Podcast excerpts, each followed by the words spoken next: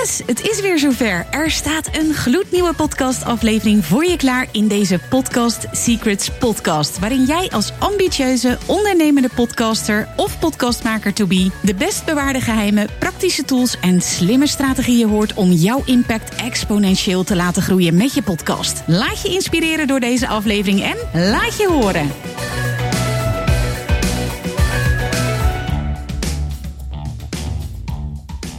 Super tof dat je erbij bent. Vandaag een interview vanuit Podcast Studio Apeldoorn. En als gast deze week Lara van Dongen van Lara's Liefdeschool Podcast.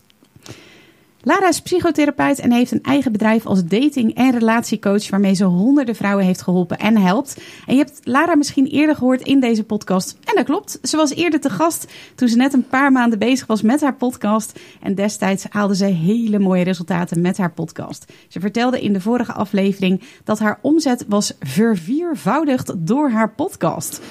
Inmiddels zijn er weer hele mooie ontwikkelingen en dus heb ik haar opnieuw uitgenodigd om te horen hoe het er nu voor staat en de verhalen achter haar mooie podcastgroei te horen. En natuurlijk ga ik haar vragen wat haar beste podcastgeheimen zijn. Lara, welkom. Super gaaf dat jij er bent. Ja, ik vind het ook super tof om hier te zijn. Dankjewel. Ja, ja. nou je bent de gast in de Podcast Secrets podcast. Dus ja, de eerste vraag is natuurlijk Lara, wat is jouw grootste podcastgeheim? Oh, als ik daarop moet terugkomen, als ik kijk wat mijn geheim is, dan, dan denk ik en ik heb daar best wel wat over nagedacht om te kijken, wat is nu mijn geheim? Ik denk vooral mezelf zijn. Ik deel in mijn podcast heel veel over, uh, ik geef natuurlijk tips aan dames, uh, over uh, stel dat je communicatieproblemen hebt, stel dat het op, op vlak van seks niet loopt met je partner, stel je bent aan het daten en je vindt het heel moeilijk om, om een connectie te maken met de man. Dus ik geef daar heel veel praktische tips over, maar ook energetische tips. Maar ik deel ook best wel veel vanuit mijn eigen stukje, vanuit mijn eigen relatie, vanuit ervaring die ik heb gehad, vanuit being me en en met de ups en downs die daar ook allemaal bij horen, zoals we dat in elke relatie wel meemaken, denk ik. Um, ik denk dat dat vooral mijn geheim is. Van het delen van wie ik ben, kwetsbaar durven zijn, mogen zijn, ook in mijn podcast. Ja, ik denk dat dat het grootste geheim is. De vorige keer, hè, in april 2022, ben je begonnen met je podcast. De vorige keer dat je te gast was, toen was je net begonnen met je podcast, of in ieder geval een paar maanden. Mhm. En je was toen ook nog niet zo lang geleden begonnen met je bedrijf. Nu ga ik een vraag stellen die heel veel mensen mij altijd vragen, die een podcast willen starten. Van ja, maar ik begin net met mijn bedrijf. Zal ik dan nu wel meteen gaan podcasten? Mhm. Hoe zie jij dat? Hoe kijk jij daarop terug?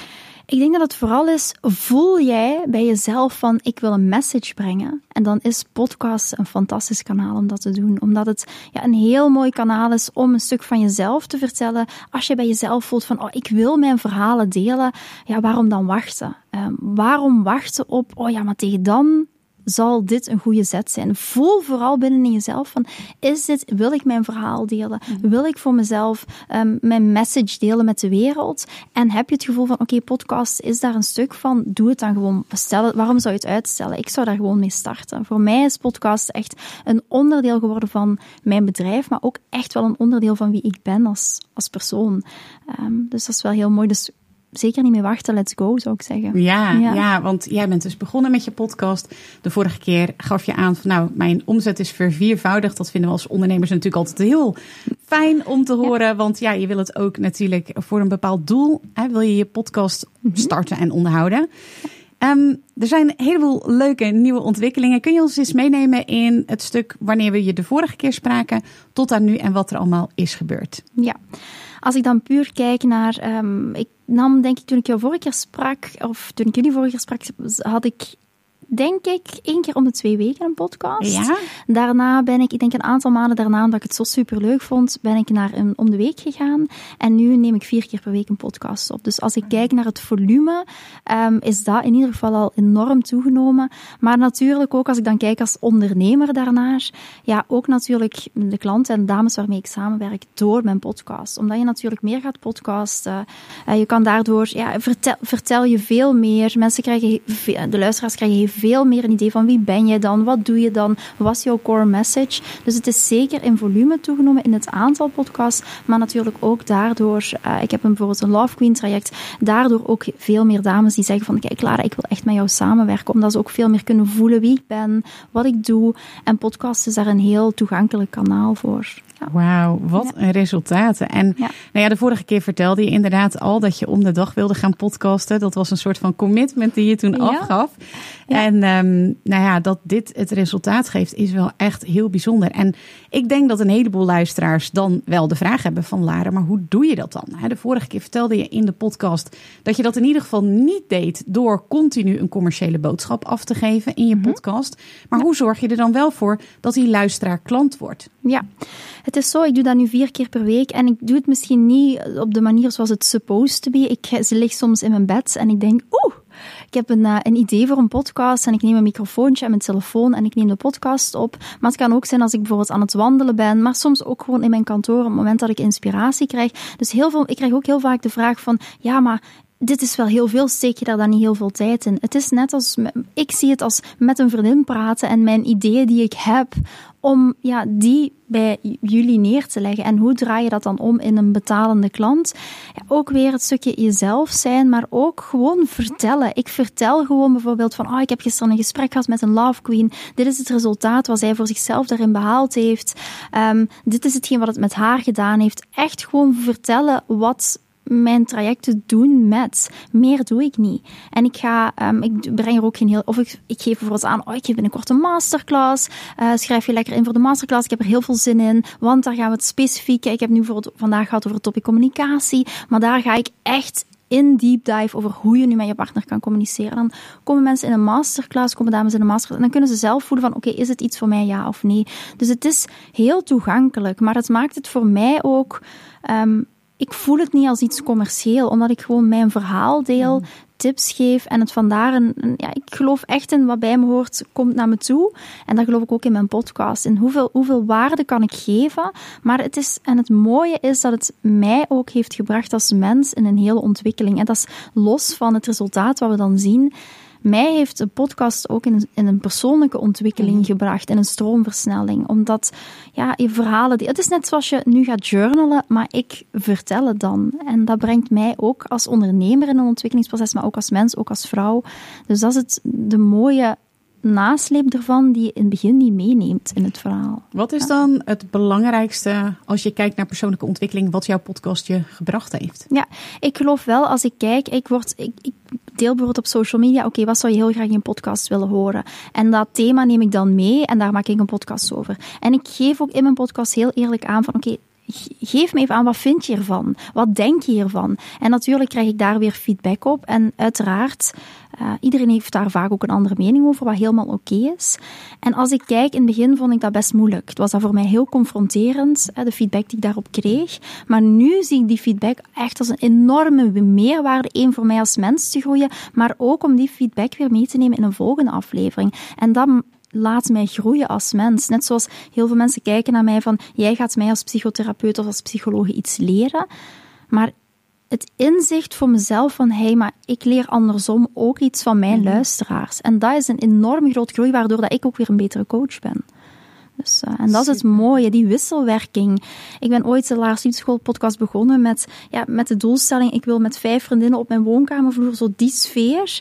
En dit is ook nu hetgene, en ook een vriendin zal een andere mening hebben. En dit is nu ook de sfeer die in de podcast ook heel veel terugkomt. En dat is echt fantastisch. Ja, ja heel bijzonder hè? dat ontstaan. En even voor degene die dus de vorige podcast niet hebben geluisterd. Hoe is jouw podcast ontstaan? Kun je dat nog eens kort uh, vertellen? Want dat is wel echt heel bijzonder. Ja, ik ben eigenlijk met Lara's Liefdeschool, dus het bedrijf Lara's Liefdeschool, ooit begonnen. Zoveel jaren geleden. Goh, ik denk dat het nu bijna acht, acht jaar geleden is het idee ontstaan. Ik was zelf, um, ja, mijn liefdesleven was één doffe ellende. Ik was single ik was psychologe en het supposed to be, moet ik het dan wel weten hoe het werkt. Maar het lukte niet. En uh, ja, ik, jullie zullen daar zeker wel in herkennen. Je bent misschien momenteel single en je denkt, ja, mijn liefdesleven loopt niet. En wat ging ik doen? Op een gegeven moment, ik merkte elke keer een terugkomend patroon. Ik viel op emotioneel onbeschikbare mannen, mannen die zich niet wilden binden. En ik had zoiets, ik moet hier iets mee. En dat ben ik gaan onderzoeken. Uh, uiteraard via mijn opleiding, maar ook via dynamieken tussen mannelijke en vrouwelijke energie. Toen ging ik daten en ik werd veel meer succesvol. Ik trok echt mannen aan die bij me pasten. En mijn vriendinnen die hadden zoiets van, hé hey, maar wat doe jij dan precies? En zo is Lara's Liefdeschool begonnen met vijf vriendinnen op mijn woonkamervloer. Zijn we bij wijze van spreken, om het wat oneerbiedig te zeggen, gaan testdriven. En zijn we gaan kijken wat werkt en wat werkt niet. En zo is dat uitgegroeid tot 5, 10, 15, 20. En is Lara's Liefdeschool ontstaan. En toen ik met de podcast wilde beginnen, had ik zoiets van, ik wil terug naar dat gevoel met die vijf vriendinnen op mijn woonkamervloer. En dat het echt toegankelijk is voor heel veel dames die hiermee worstelen. En zo is de podcast eigenlijk ontstaan. Ja, super bijzonder. Ja. Dus als we nog even kijken naar de ingrediënten om van een luisteraar een klant te maken, dan heb ik je een aantal dingen horen zeggen. Je zegt van ik ben echt mezelf mhm. en ik stel me kwetsbaar op. Mm derde is dat je je resultaten van je klanten benoemt. Ja. En het vierde wat ik hoorde was dat je ook echt de input van luisteraars um, ja, ter harte neemt en die verwerkt in uh, podcastafleveringen. Ja. Oké, neem ons dan eens mee. Want uh, zo'n luisteraar die luistert, die gaat bijvoorbeeld naar zo'n masterclass. En uh, vervolgens, hoe, hoe doe je dat dan? worden ze klant na zo'n masterclass of heb je gesprekken? Hoe werkt dat bij jou? Ja, meestal als ze bij een masterclass komen, dan komen ze bij een masterclass. Ik doe dan een aanbod op het einde. En dan kunnen ze op dat moment ervoor kiezen om in te stappen. Maar sommige dames die twijfelen nog, hebben het gevoel van, oeh, ik weet het niet. Um, die sturen mij meestal een, een berichtje via Instagram of Messenger. En dan ga ik specifiek op een vraag in. Als ze zeggen van, oh ja, ik heb toch nog wat, net iets meer, dan verbind ik ze door aan een teamlid van mezelf. En zij gaan dan met, uh, met hun in gesprek. Dus uh, het is een beetje afhankelijk. Dus ik ga heel gericht kijken van wat heeft iemand nodig op dat moment. Omdat je natuurlijk in een relatie gebeuren heel veel dingen. Het is heel specifiek en ik vind het heel belangrijk dat dames die bij mij komen, dat die ook echt op de juiste plek zijn. Ik heb als psycholoog soms nog te veel mensen bij mij gehad waarvan ik wist dit is niet mijn specialisatie. En mhm. toen heb ik beslist dit wil ik nooit meer doen. Dus vandaar dat ik er ook wel open voor sta om te kijken, oké, is dit hetgeen wat ik aan jou kan aanbieden, echt iets wat bij je past. Ja, echt het matchen, zoals je net als single bent gaat matchen, om te zien, is, zijn wij echt een match? En als je daar twijfel over hebt, dan ga ik altijd wel even in gesprek. Ja. Nou, nu zitten we natuurlijk met een liefdescoach aan tafel, dus de vraag kan niet uitblijven. Wat zijn nu bijvoorbeeld drie tips om uh, een goede man of vrouw natuurlijk, als je als man naar deze podcast kijkt of luistert, um, om een goede man of vrouw uh, uit een datingsproces, hoe noem je zoiets? Uh, ja, hoe, kan je goede, hoe kan je goede partners daten? Ja, het is zo. Ik zeg altijd, als ik nu de eerste grote tip is in, begin, in de beginfase van het daten. Ik begeleid vooral vrouwen. Dus als ik dan echt op de vrouwen focus, zeg ik altijd: kijk vooral naar zijn daden en niet naar zijn woorden. Ik heb nog te veel dames die bij mij komen en die in het um, op chemie gebaseerd liefdespatroon keuzes maken. Niet vanuit, oké, wat is er wat zich aandient, maar de, enkel naar de mooie woorden kijkt. Dus ik zeg altijd, dit is voor mij in het eerste proces altijd iets wat, ja, wat heel belangrijk is en wat helaas soms nog te weinig gebeurt, omdat we in de euforie zitten van de verliefdheid. Ten tweede, wat voor mij heel belangrijk is, is um, dat is een tweede tip, is echt vrouwelijke energie. Ik ben echt een uitdrager van het stukje vrouwelijke energie. Wat bedoel ik daarmee? Ja, wij hebben als, als vrouw ook de laatste jaren heel erg in onze mannelijke energie geleefd, in het mannelijke paradigma. Alle ballen hoog houden, heel veel dingen doen binnen onze gezinscontext. En ik zeg altijd, als je start met daten, probeer eens in het zijn te zijn. In plaats van alleen maar in de actiemodus alles te regelen, alles, te, alles in handen, al in de controle. Ik zeg, ga eens go with the flow en wees eens nieuwsgierig. En dat is misschien de derde tip. Gewoon met de persoon die voor je zit. Wees eens oprecht en intens nieuwsgierig. Niet van, oké, deze persoon gaat mijn man niet worden. En ik stop met de date en ik ga naar huis. Maar wees intens nieuwsgierig wat er zich aandient. En dat zeg ik altijd tegen ook mijn dames van hoe mooi is het als je... Wij bestaan allemaal uit lagen. Wij zijn allemaal een ui of een ajuin, zoals we in België zeggen. en dat zijn met verschillende laagjes. En wij hebben die ook. Maar hoe fantastisch zou het zijn dat jij vanuit jouw nieuwsgierigheid tot dat volgende laagje bij die persoon kan komen. Want jij hebt die laag ook. Die persoon is niet die oppervlakkige persoon die je op dat moment voor je ziet staan. Dus wees oprecht nieuwsgierig. En daar ontstaan heel veel dames, mijn dames, die komen bij mij en zeggen: Ja, de eerste date, het was het niet. Maar ik zeg dat onderste laagje. En nu hebben ze een fantastische relatie met diezelfde man. Wauw, oké. dus ook, hè, dus dit ging even over daten. Maar dan als je al een relatie hebt, dan kan je daar dus ook nog weer een laagje dieper in Ja. gaan, zoals jij dat zegt. Ja, ook bij je huidige partner. Weet je, ik heb dat ook bijvoorbeeld bij mijn partner, dat deel ik ook heel vaak in mijn podcast, is wat maakt dat er bij ons een, de verdieping komt? En dat komt heel vaak door iets heel simpels, dat is een tip voor dames in relatie, door elkaar een aantal vragen te gaan stellen op wekelijkse basis. Stel eens de vraag, ik stel elke week de vraag aan mijn partner, of soms om de twee dagen, waar heb jij het gevoel dat ik deze week niet genoeg naar jou geluisterd heb? Waar heb jij het gevoel dat ik er niet genoeg voor jou geweest ben? En soms komen daar heel mooie dingen uit, zegt mijn partner, "De- dat heb ik deze week niet gehad. Maar soms zijn dat heel concrete dingen van, ik stond op dat moment daar, dit was voor mij een belangrijk moment en jij was toen bezig met je telefoon bijvoorbeeld, of met iets anders. Stel oprecht die vragen aan je man en kijk gewoon eens hoe mooie antwoorden dat daaruit komen. Waar voelde jij je niet gezien door mij? En dat zorgt weer, dat zijn heel vaak de vragen die je aan elkaar stelt, die dan weer naar die extra laagje verdieping toe gaan. Ja, prachtig. Oh, wauw. Nou, ik ga hem meteen eh, zelf ook toepassen. ik zit al lang in een relatie, dus eh, Ik ben ik ben benieuwd. overigens heel tevreden. Maar Ja. dat kan altijd dieper, Ja. als ik jou nu zo hoor. Als je eh, kijkt, hè, je bent dus gestart vanuit een idee, eh, vanuit eh, een vriendinnen-idee. Zo van, kom bij ons in de woonkamer bijv- bijvoorbeeld Ja. zitten. We gaan samen experimenteren. En je wilde ook echt dat vriendinnen-idee geven. Mhm. Is dat ook wat je terugkrijgt van je podcast, van je luisteraars? Dat, dat, dat, dat de luisteraars dat ook ervaren op die manier? Ja, het mooie is eigenlijk, want ik zet dames ook echt aan om mij ofwel een mail te sturen, ofwel een berichtje via Messenger of, op, of, of via Instagram. En ik, het mooie is, en dit vind ik heel bijzonder, en daar ben ik elke dag opnieuw weer dankbaar voor, is ik krijg zoveel mooie verhalen. En dames die intens kwetsbaar durven zijn over een, iets heel intiem. Het is niet zoals een pak melk gaan kopen in de Albert Heijn, maar het gaat over jouw diepste intense zijn. En ik krijg op dagdagelijks basis, en ben ik enorm dankbaar voor, dat dames dit vanuit hun kwetsbaarheid ook weer met mij delen. Over dingen die die ze soms ook niet met hun moeder of met hun vader of zelfs niet met vriendinnen durven delen, omdat ze voelen dat daar ja, een bepaalde lading op zit. En dat vind ik prachtig om te zien hoe, als ik kwetsbaar durf te zijn, hoe mooi ik die kwetsbaarheid ook terugkrijg. En daar ben, ja, dat denk ik elke dag van, wauw, dit is zo fantastisch om dit te mogen doen. Ja. Toch krijg ik dan ook nog vaak de vraag van, oké, kwetsbaarheid, maar hoe kwetsbaar moet je dan zelf moet? Ja, to, ik krijg die vraag wel van ja, maar hoe kwetsbaar moet je dan zijn om interessant te zijn? Of hoe kwetsbaar mag je zijn eh, om toch nog interessant te zijn? Ja. Hoe zie jij dat? Ja, dat vind ik een goeie. En ik heb ooit een quote, en ik weet niet van wie dat die komt, dus eh, als ik hem zou gebruiken, en die is van jou, let me know. Maar share the message and not the mess. Ik zal het zo zeggen. Wat bedoel ik daarmee is... ehm, ik heb ook ruzie met mijn partner. Ik heb ook ruzie met Chris. Dat gebeurt. Dat zijn discussies, eh, dingen die gebeuren in ons leven. We zijn een jong gezin, dus die dingen komen voor. En ik ga altijd kijken, oké, wat is de, de message die ik aan iemand anders kan meegeven? Als ik in de heat of the moment, vanuit mijn getriggerde zelf, bij wijze van spreken, vanuit die emotie die dingen gaan delen, zit er geen message in. Dan is het alleen maar het uiten van wat ik voel op dat Emotie. moment. Van emotie. En dan zeg ik altijd, en dat leer ik ook aan mijn dames, van laat die emotie even zijn voor wat die is. Je mag die doorvoelen, die gevoelens mogen er zijn. Maar wat is de message die eruit haalt? Wat is de les die je eruit haalt? En de les, die deel ik. Maar ik deel ook van, Chris en ik hebben dit weekend dit meegemaakt, dit is eruit gekomen en dit is hoe ik ermee ben omgegaan. En dat is de message. En dus kwetsbaar zijn is goed, maar ook in je podcast... Ehm, wat is de message die daar aan een ander kan in meegeven en wat is hetgeen wat jij daaruit geleerd hebt? Dus dat is voor mij het verschil.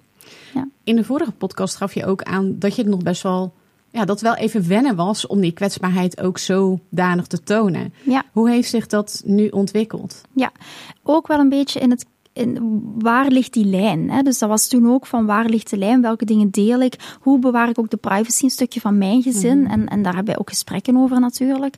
Ik denk wat er nu veranderd is, is dat er niet meer zo een, een specifieke lijn op ligt. Het gaat nu heel natuurlijk in wat ik deel, terwijl het in het begin meer, veel meer afgebakend was. Kan ik dit wel zeggen? Kan, zat ik veel meer in mijn hoofd om daarover na te denken van kan ik dit delen? Terwijl het nu heel natuurlijk vloeit. En dan merk ik, dat is voor mij een enorm groot verschil, dat er in het begin meer vanuit mijn hoofd eraan dacht, oké, dit zijn de grenzen voor mezelf. En nu dat dat heel natuurlijk gaat. Ik denk dat dat het grote verschil is. En ik merk dat ook dat, dat de luisteraars dat ook echt merken. Dat Ja, dat- want wat vind je man er bijvoorbeeld van? Dat jij deelt over, ik noem maar wat, een ruzie die afgelopen weekend heeft plaatsgevonden. wat, wat... Ik heb bijvoorbeeld onlangs in, uh, ik denk twee podcasts geleden, iets gedeeld over ons seksleven en hoe dat, dat nu was en hoe dat, dat in het begin was. En ik vertel hem daar natuurlijk wel over. En in het begin, omdat mijn man is makelaar en natuurlijk ja, makelaar ook een bepaald, is zelfstandig ondernemer. Um, ik heb onlangs ook een filmpje gemaakt van hoe zien jullie mijn man en hoe is mijn man in het echt. En dan staat hij dansend in de woonkamer, balletten, sprongetjes te doen hij vindt dat oké. In het begin niet. Maar nu heeft hij zoiets van, en ik laat hem dat natuurlijk zien. Maar nu heeft hij zoiets van, ik vind het ook wel heel mooi, want dit is ook echt wie wij zijn. Hij zegt, ik hoef me nergens voor te schamen. Jij hoeft je, wij hoeven niks te verbergen. Dit is wie wij zijn. Dus waarom zouden we dat anders moeten? Dit is ook hoe dat het is. En en nu vindt hij het helemaal oké. In het begin vond hij dat best wel spannend, maar nu um, vindt hij, hij denkt ook van, oh ja, en welke reacties komen daar dan op? Dat vindt hij ook heel leuk. Of sommige mensen die, ik had vorige week een live met mijn dames, mijn love queens, en Chris was er dan ook, die komt dan als het, af, het event afgelopen is, en iedereen zo, hey Chris, hoe gaat het? En hij, dus, en hij zo, ja, iedereen kent mij. Ik zeg, ja, iedereen kent jou, omdat ik ook over jou vertel. Dus dat is wel heel mooi om te zien. Dan voelt, het voelt zo'n beetje de, de Laras Liefdeschoolfamilie dan. Ah, dus dat is wel mooi. Ja. Was het anders geweest als hij er, hè, want er zijn vast luisteraars of kijkers die een partner of een familielid of een kind hebben die daar ja, niet achter kan staan. Was dat anders geweest? Hoe zie jij dat? Ja, ik zie bijvoorbeeld uh, puur concreet vanuit mijn gezinssituatie. Onze oudste zoon Nick, die is um, ehm, 50% bij ons en 50% bij zijn moeder. En uh, van Nick deel ik niet zo heel veel op social media. Niet omdat ik het niet graag zou willen, maar omdat ik respect wil hebben voor, ja, misschien um, niet dat ik daar direct eh, weet dat dat niet zo is, maar ik wil gewoon respect hebben voor. Ik zou dat als moeder ook heel, heel fijn vinden um, als daar rekening mee gehouden werd als het over mijn kind zou gaan. En dus dat bedoel ik van, je kan daar ook voor jezelf een keuze, wat wil ik niet? En denk nu niet van, oh ja, om morgen succesvol te worden moet ik um, um, en mijn partner wil niet mee, ja, dan kan ik nooit succesvol zijn. Ik denk dat het gewoon dat ook kan zonder dat. En bij mij, ik zou dat misschien wel over Chris vertellen, um, maar dan zou ik het een andere ingang geven. Of ik zou um, misschien meer delen over mijn dames die nu Love Queen zijn. Dus eh, ik denk dat dat ook een proces is binnen een gezin. Dus ook binnen in mijn gezin zijn er dingen die ik heel bewust niet deel omdat ik rekening houd met ehm, hoe dat het voor iemand anders is en hoe, of dat die persoon dat zou willen, ja of nee. Net zoals ik, uh, mijn moeder die vindt dat bijvoorbeeld ook niet fijn en dan ga ik ook rekening houden als ik bij mijn moeder ben, dat ik bepaalde dingen deel waarvan ik weet, oké, dit is voor haar comfortabel. Um, ja. Ik ben nog even benieuwd naar de frequentie van jouw podcast. Hè? Want daar hadden we het net al even kort over. Je bent dus van één keer in de twee weken naar vier keer per week gegaan. Ja. Dat is best wel een verandering. Ja. Zie jij dan bijvoorbeeld het luisteraarsaantal omhoog gaan of juist omlaag gaan? Die vraag die krijg ik dan vaak van ja, maar als ik vaker ga podcasten, dan kan niemand toch bijhouden. Wat is mhm. jouw ervaring daarin? Ja, het is zo. Het grappige is, dat was bij mij ook, ik noem het dan even mijn belemmerende overtuiging, om het dan zo maar te zeggen. Bij mij was dat ook van ja, maar mensen, ik heb al zoveel afleveringen. Mhm. En het mooie is, als ik kijk naar mijn cijfers, die gaan echt wel omhoog. En het wordt, de podcast wordt veel meer gedeeld, ook om een of andere reden. Um, dus ik zie echt dat er meer luisteraars zijn per podcastaflevering nu dat ik vier keer opneem in plaats van één keer. Hoe bijzonder dat, dat ook is, want dat is iets wat ik in eerste instantie ook niet had verwacht. Maar toch is dat wel zo.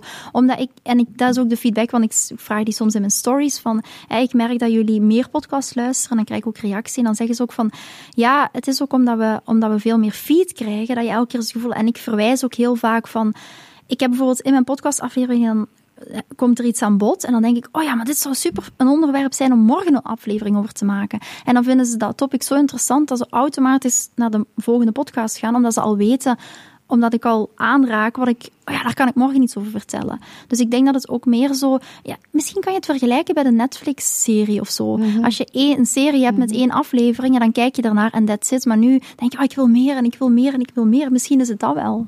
Waar denk ik nu plotseling aan. Ja. Heel interessant. Ja. Heel interessant. En als je naar de luistercijfers kijkt, hoeveel mensen luisteren er dan bijvoorbeeld per aflevering? Ik heb nu per aflevering ongeveer een 5000 luisteraars per aflevering gemiddeld. Ja, maar dat kan ook, dat kan ook bijvoorbeeld de volgende dag uh, voor een andere aflevering soms tot 10.000 oplopen. Dus uh, een beetje afhankelijk van, uh, van, ook van het thema. Ja. ja. En zijn het downloads of zijn het luisteraars? downloads, ja, sorry. Precies. Ja, downloads, ja. Wauw, nou dat zijn wel echt aantallen. En ik kan me voorstellen. Want de vorige keer hè, zei je, en, en dat is nu eigenlijk ook wat je zegt van. De vorige keer zei je van. Stel je nu voor dat de tijd die ik in nieuwsbrieven steek of in andere uh, zichtbaarheidsactiviteiten, zal ik het maar even noemen. Stel je voor dat ik die dan in de podcast zou gaan leggen. Ja. Wat zou er dan gebeuren? En je hebt eigenlijk gezien dat het daardoor juist je luisteraarsaantal nog is gestegen. Ja, en ook eerlijk gezegd, we willen als ondernemer allemaal tijdsbesparend werken, zou ik maar zeggen. En ik kreeg geen energie van nieuwsbrieven schrijven. Ik vind podcast opnemen super tof, omdat je dan het idee van wat je uit je hoofd, hup, dat kan je uitspreken. En ja, ik kreeg daar ook geen energie van. En nu, het komt, ja, ik denk dat we eerlijk mogen zijn. Een, als je een nieuwsbrief schrijft die emotioneel op dezelfde manier binnenkomt dan een Mhm. gesproken taal, dan moet je verdomd goed zijn in het schrijven van nieuwsbrieven. Mhm. Een emotie kan je veel beter op beeld opnemen, in spraak opnemen. Ehm, die emotie, om die in een nieuwsbrief te leggen, dat is een hell of a job. Mhm. Althans, dat is mijn mening. Of je bent een goede copywriter, of in ieder geval voor mij. Ehm, en dat kan met gesproken stuk ook. Ja, het is ook flexibeler. Hè. Je gaat wandelen, je steekt dopjes in je oren en je kan naar een podcast luisteren. Een nieuwsbrief, Ja. daar ga je niet onder het wandelen. Uh, dus het is ook een flexibiliteit, denk ik. Maar voor mij geeft het mij zoveel meer energie uh, dan nieuwsbrieven maken. En ook, ja, hoeveel nieuwsbrieven per week? Ja, soms stuurde ik vier nieuwsbrieven per week. Dat is best veel. Mhm. Dan hebben mensen op een gegeven moment lees. Ja, ik weet hoe ik zelf ben. Ik lees dat op een gegeven moment niet meer. Mhm. En bij een podcast is het toch echt anders. uh. Grappig, hè? Ja. Heel interessant uh, dat je dit deelt. Ja. Um, Oké, okay, dus dat zijn de aantallen. En um, er zijn nog meer ontwikkelingen gebeurd. Je bent voor iemand gaan podcasten. Je, hebt, je gaat iets nieuws doen. Kun je daar eens over vertellen?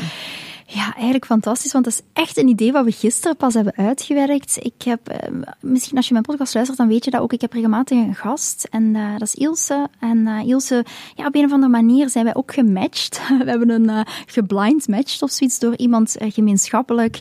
En in het begin liep dat wat stroof. We konden niet tot een afspraak komen. En op een gegeven moment ja, merkte je van, oké, het vuurtje gaat aan. We hebben elkaar dan eens ontmoet. En te kijken van, oké, wat kunnen we samen doen? En wij hebben, denk ik, nu paar weken geleden een live podcast gedaan van de Lara's Liefdeschool podcast. En we voelden van, wauw, weet je, dit is fantastisch. We voelden de energie. We hadden ook mannen en vrouwen live podcasts, dus echt in het publiek die ons vragen konden stellen, zowel mannen als vrouwen. Ja, en dat was echt, ja, je merkte die energie flowen. Je merkte ook van, zij gaat daarop aan, maar ook het publiek. Ja, weet je, soms voel je gewoon van, hé, hey, hier is iets gaande. Ja. En we hadden zoiets van, we willen hier iets mee doen. En dus dat hebben we gisteren uitgewerkt. En ja, ik ga dat hier nu, mag dat hier nu gewoon vertellen. Dat heet eigenlijk Potato Podcast. en het is misschien een beetje een raar concept. Waarom Potato Podcast? Zowel Ilse als ik, wij houden van friet. En wat doen we in de live podcast? Of wat, wat gaan we doen? Is we gaan echt een friet met een frietkraam. Dat mensen naar het live podcast event kunnen komen. En dat ze een frietje eten. En dat we daarna gaan podcasten. En dan zitten we met allerlei quotes. Zoals bijvoorbeeld van uh, het liefde, liefde is als een, uh, als een zak patat. Hoe heter je het eet, hoe beter het is, bijvoorbeeld. Weet je, zo van die woordspelen. We hebben er mega veel zin in. En dat gaat een aparte podcast worden, echt van Ilse en mezelf, waar we het ook gaan hebben over thema's van de liefde, um, over waarom vallen mensen op elkaar, of ja of nee, hoe trek je iemand aan. Dus echt ook wel rond de liefde. Maar het mooie daarvan is dat je echt met elkaar in gesprek gaat en dat je andere perspectieven krijgt. En daar sta ik ook echt voor open, want dit is mijn perspectief, maar iemand anders staat daar op een heel andere manier in. En dat is fantastisch om dat zo te doen. En dan echt met, ja, uh, lekker patat eten en daarna gewoon live podcasten. Dus, uh, super gaaf. Ja, en je hebt het, ja. of jullie gaan het echt als een concept neerzetten. Ja, we gaan het echt uh, inderdaad als een concept neerzetten. Als misschien een beetje een brand van uh, de Potato Podcast. Met Ilse en Lara, maar dan ook ja, met live events werken. Misschien nog andere events. We gaan het zien waar dat het toe leidt. Mm -hmm. Ik heb nu nog niet echt veel zicht op. Maar we voelen, en ik ben echt iemand die aangaat op joy. Ik weet niet of je bijvoorbeeld Abraham Hicks volgt, maar zij heeft het over joyful expansion. En voor mij is dat heel belangrijk binnen in mijn onderneming. Waar gaat mijn vuurtje van aan? Waar heb ik zin in? En ook met de Potato Podcast is heel natuurlijk gegroeid. En we merken ook van, ja, hier hebben we zin in. Dit is, uh, ja, we zijn ook bezig met, hoe gaan, kunnen we bijvoorbeeld zo'n fotoshoot doen? En dan beelden we in dat we zo in zo'n frietkraam staan met, uh, ja, met een gala outfit. Zo met uh, mayo en een frietje speciaal die in onze mondhoeken. Weet je, zo, ik weet nog niet wat er gaat gebeuren. Misschien zie je over een aantal maanden, als je naar deze podcast luistert, wel uh, foto's daarvan langskomen. Maar we hebben er gewoon heel veel zin in. Dus, uh, Super ja. gaaf. Heel, ja. heel tof. Als je zo terugkijkt hè, op de afgelopen periode, dat je dus um, ja, je podcast bent gaan, uh, in frequentie bent gaan ophogen. Wat was dan hetgeen wat je hebt uitgeprobeerd wat eigenlijk niet werkte? En wat is hetgeen wat je hebt uitgeprobeerd wat heel goed werkte? Ik denk, hetgeen wat niet werkte, is door uh, in het begin, wat, en dat is ook iets van in het begin misschien wel een beetje mijn valkuil is geweest om te veel in zo de coachende drie tips in deze podcast. En dit zijn drie tips en volg dit en je liefdesleven wordt een succes, bij wijze van spreken. Maar ik heb gemerkt dat hoe meer dat ik echt verhalen ga vertellen, um, hoe meer dat ik echt uit die alleen maar coachende rol gaat van oké, drie tips en volg dit en dit zijn de stappen.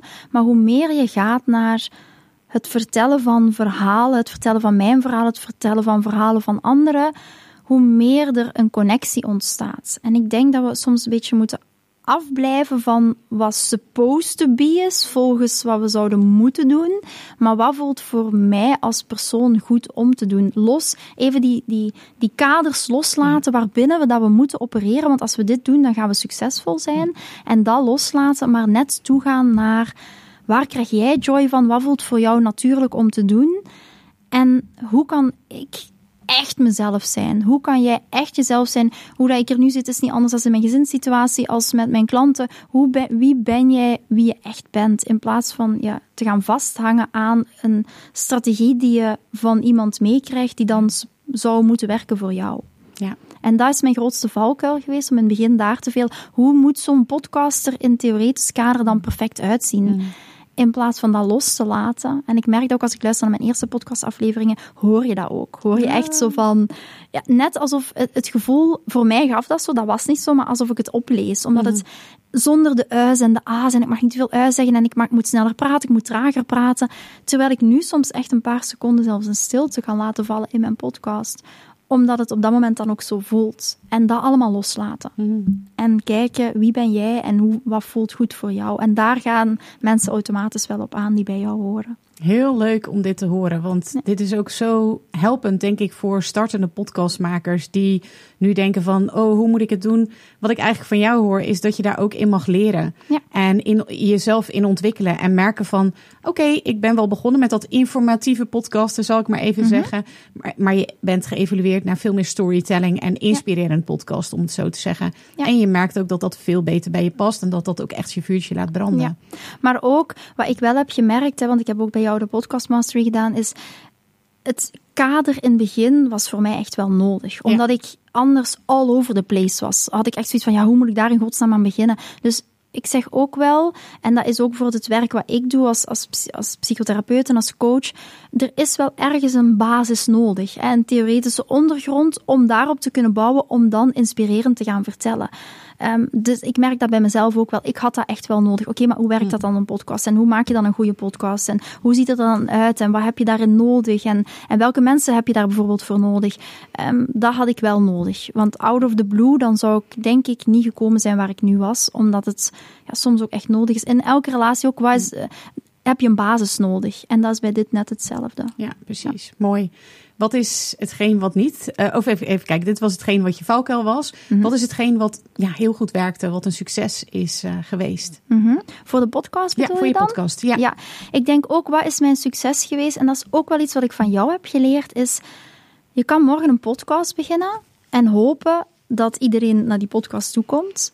Maar hoe zet jij jouw kanalen in dat mensen jouw podcast vinden? Want je kan wel een hele mooie podcast hebben, maar als niemand luistert, ben je niks met die podcast. Dus wat ik heb gedaan is, en dat heeft heel goed voor mij gewerkt, is in al mijn nieuwsbrieven ben ik gaan vermelden, hey, ik heb ook een podcast. In mijn stories, je zal, als je nu naar mijn stories kijkt, ga je sowieso ergens iets vinden van mijn podcast. Um, als jij, ik, ik maak bijvoorbeeld um, kleine stukjes voor reels. In elke reel verwijs ik, oké, als je er meer over wilt weten, dit kan je luisteren in de aflevering zoveel van de podcast. Dus al mijn kanalen, ook mijn YouTube-kanaal, mijn TikTok, alles verwijst naar de podcast.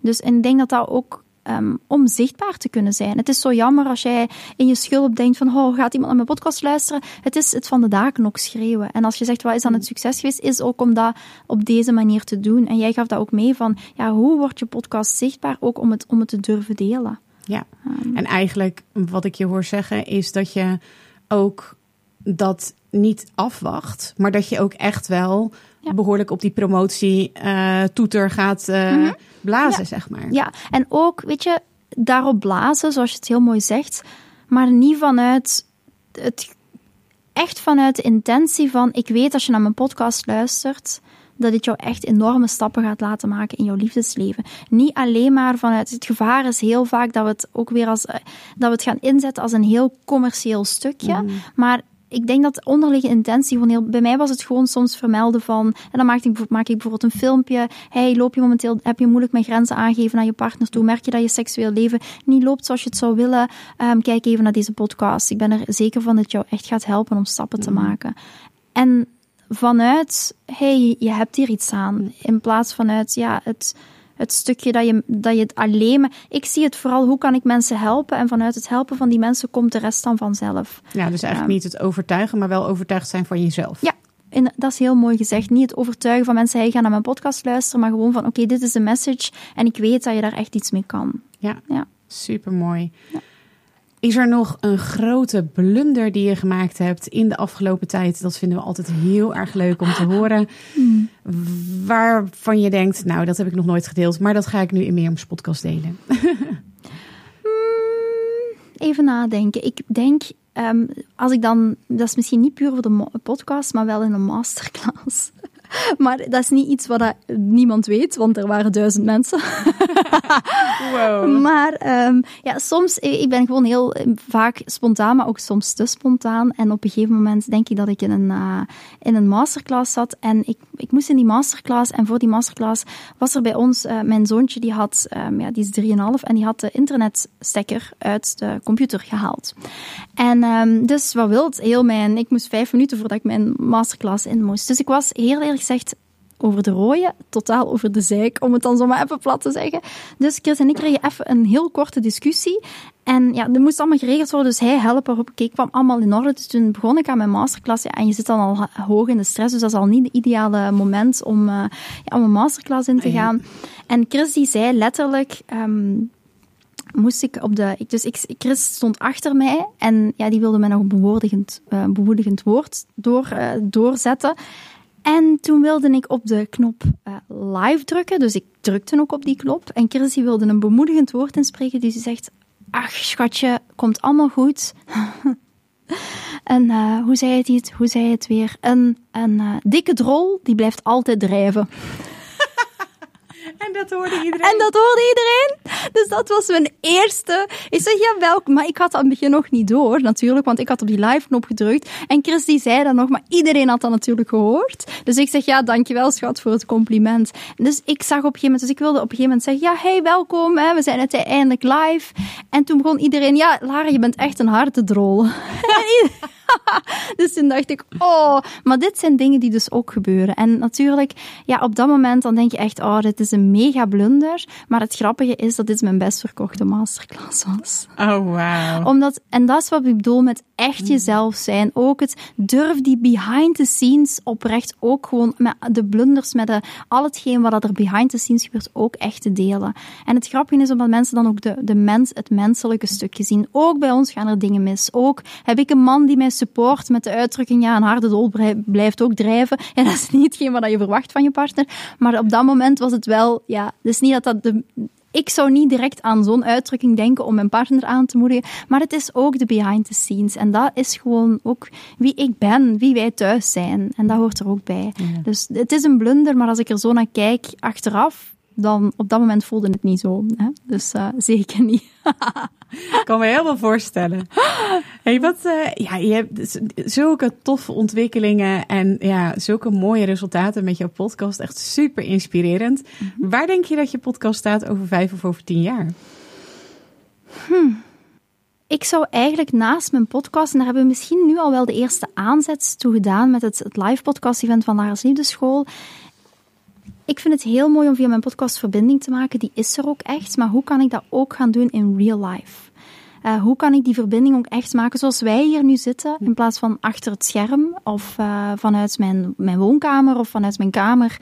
Hoe kan ik die verbinding ook echt met de ander gaan opzoeken in de fysieke vorm? En ik merk nu dat die ehm, wens er is. Ik merk dat die er ook ligt. Ook, we hebben de eerste stap gemaakt met het live podcast event.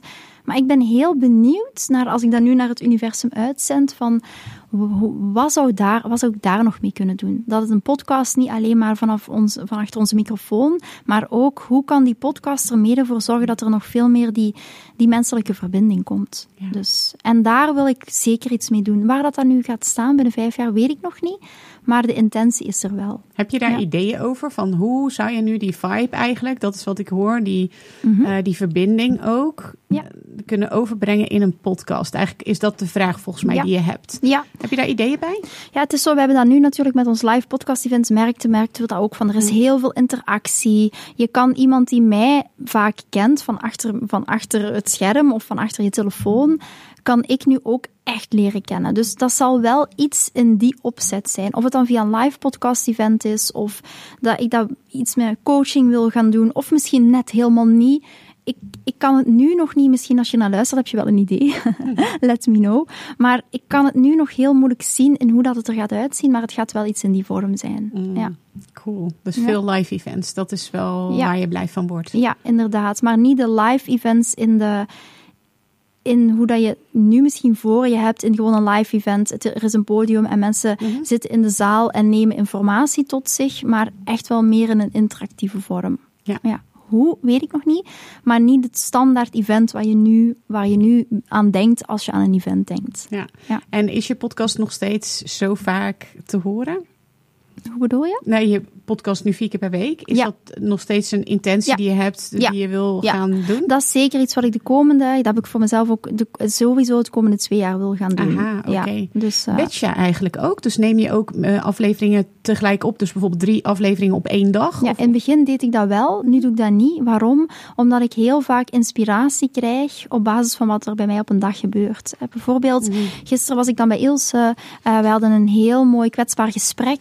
En vanuit dat kwetsbaar gesprek zit ik s'avonds op mijn kamer en denk, hier wil ik iets over delen. Vanuit wat, waarom, wat is kwetsbaarheid? Hoe, belang, hoe ziet dat eruit? Hoe communiceer je nu die kwetsbaarheid?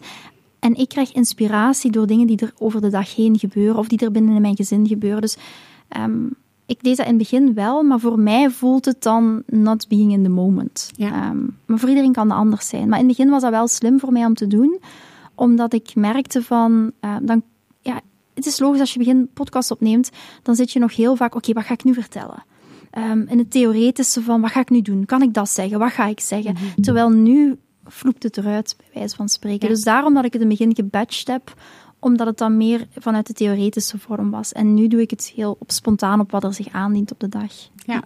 Dus nog even naar de toekomst kijkend. Hè, je geeft al aan van het zal iets in verbinding zijn, iets, mhm. iets met podcasten, maar hoe precies de vorm weet ik nog niet. Ja. En je wil in ieder geval wel de frequentie vasthouden. Heb je ook internationale ambities? Momenteel niet, nee. Dat is niet iets waar ik direct aan denk. Nee, misschien is dat anders over een paar jaar. Ja. ja. Ik ben super benieuwd waar het naartoe gaat. Ik en um, ik denk uh, wij allemaal, de kijkers, de luisteraars. Um, als je nu nog eens een laatste keer terugkijkt, mhm. wat is dan de belangrijkste les die je hebt geleerd of gehaald uit het podcasten?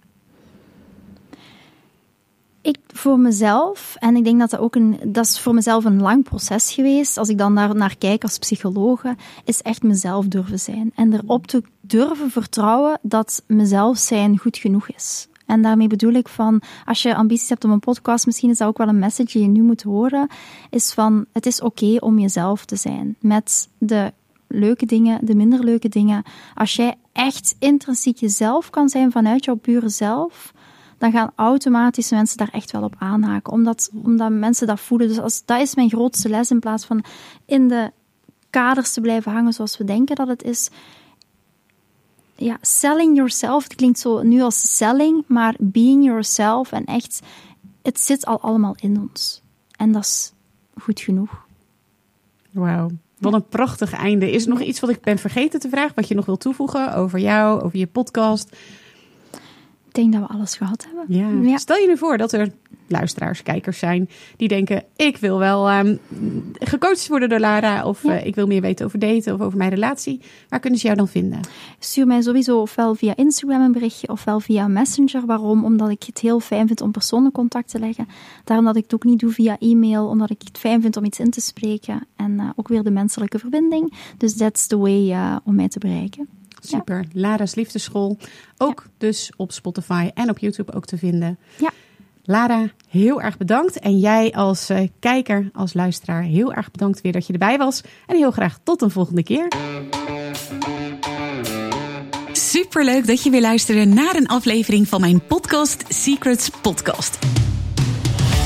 Ik kijk er alweer naar uit om een volgende aflevering voor je op te nemen. Tot dan! In de tussentijd heb ik nog een aantal hele toffe dingen voor je. Ben je een podcaststarter en ben je door het luisteren van deze aflevering enthousiast geworden om je eigen podcast te starten? Schrijf je dan nu in voor mijn podcast masterclass, waarin ik mijn beproefde supersnelle podcast startformule deel, die inmiddels honderden podcastmakers to be succesvol toepasten. Ga naar mirjamhegger.nl slash masterclass, meld je even aan en je doet gratis mee.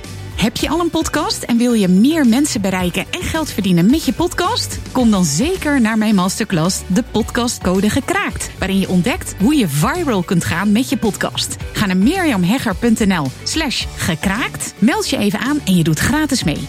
Dus ben je een podcast starter? Ga naar mirjamhegger.nl slash masterclass. Heb je al een podcast? Ga naar mirjamhegger.nl slash gekraakt. Als je deze podcast luistert, is de kans groot dat je dol bent op podcasten en het ondernemerschap. Luister dan ook zeker even naar mijn andere podcast die ik sinds 2018 maak. De Hooked on Business podcast. In deze podcast krijg je een exclusief kijkje in mijn ondernemersavonturen, keuzes die ik maak en ik deel concrete tips over alles wat met het ondernemen te maken heeft. Mijn Hooked on Business podcast vind je gewoon op alle podcastkanalen als je even zoekt op mijn naam. Ook kun je mij volgen op Instagram, waar ik dagelijks interessante posts en stories deel via Mirjam Hegger Podcast Expert. Een hele mooie dag gewenst, tot snel en natuurlijk laat je horen.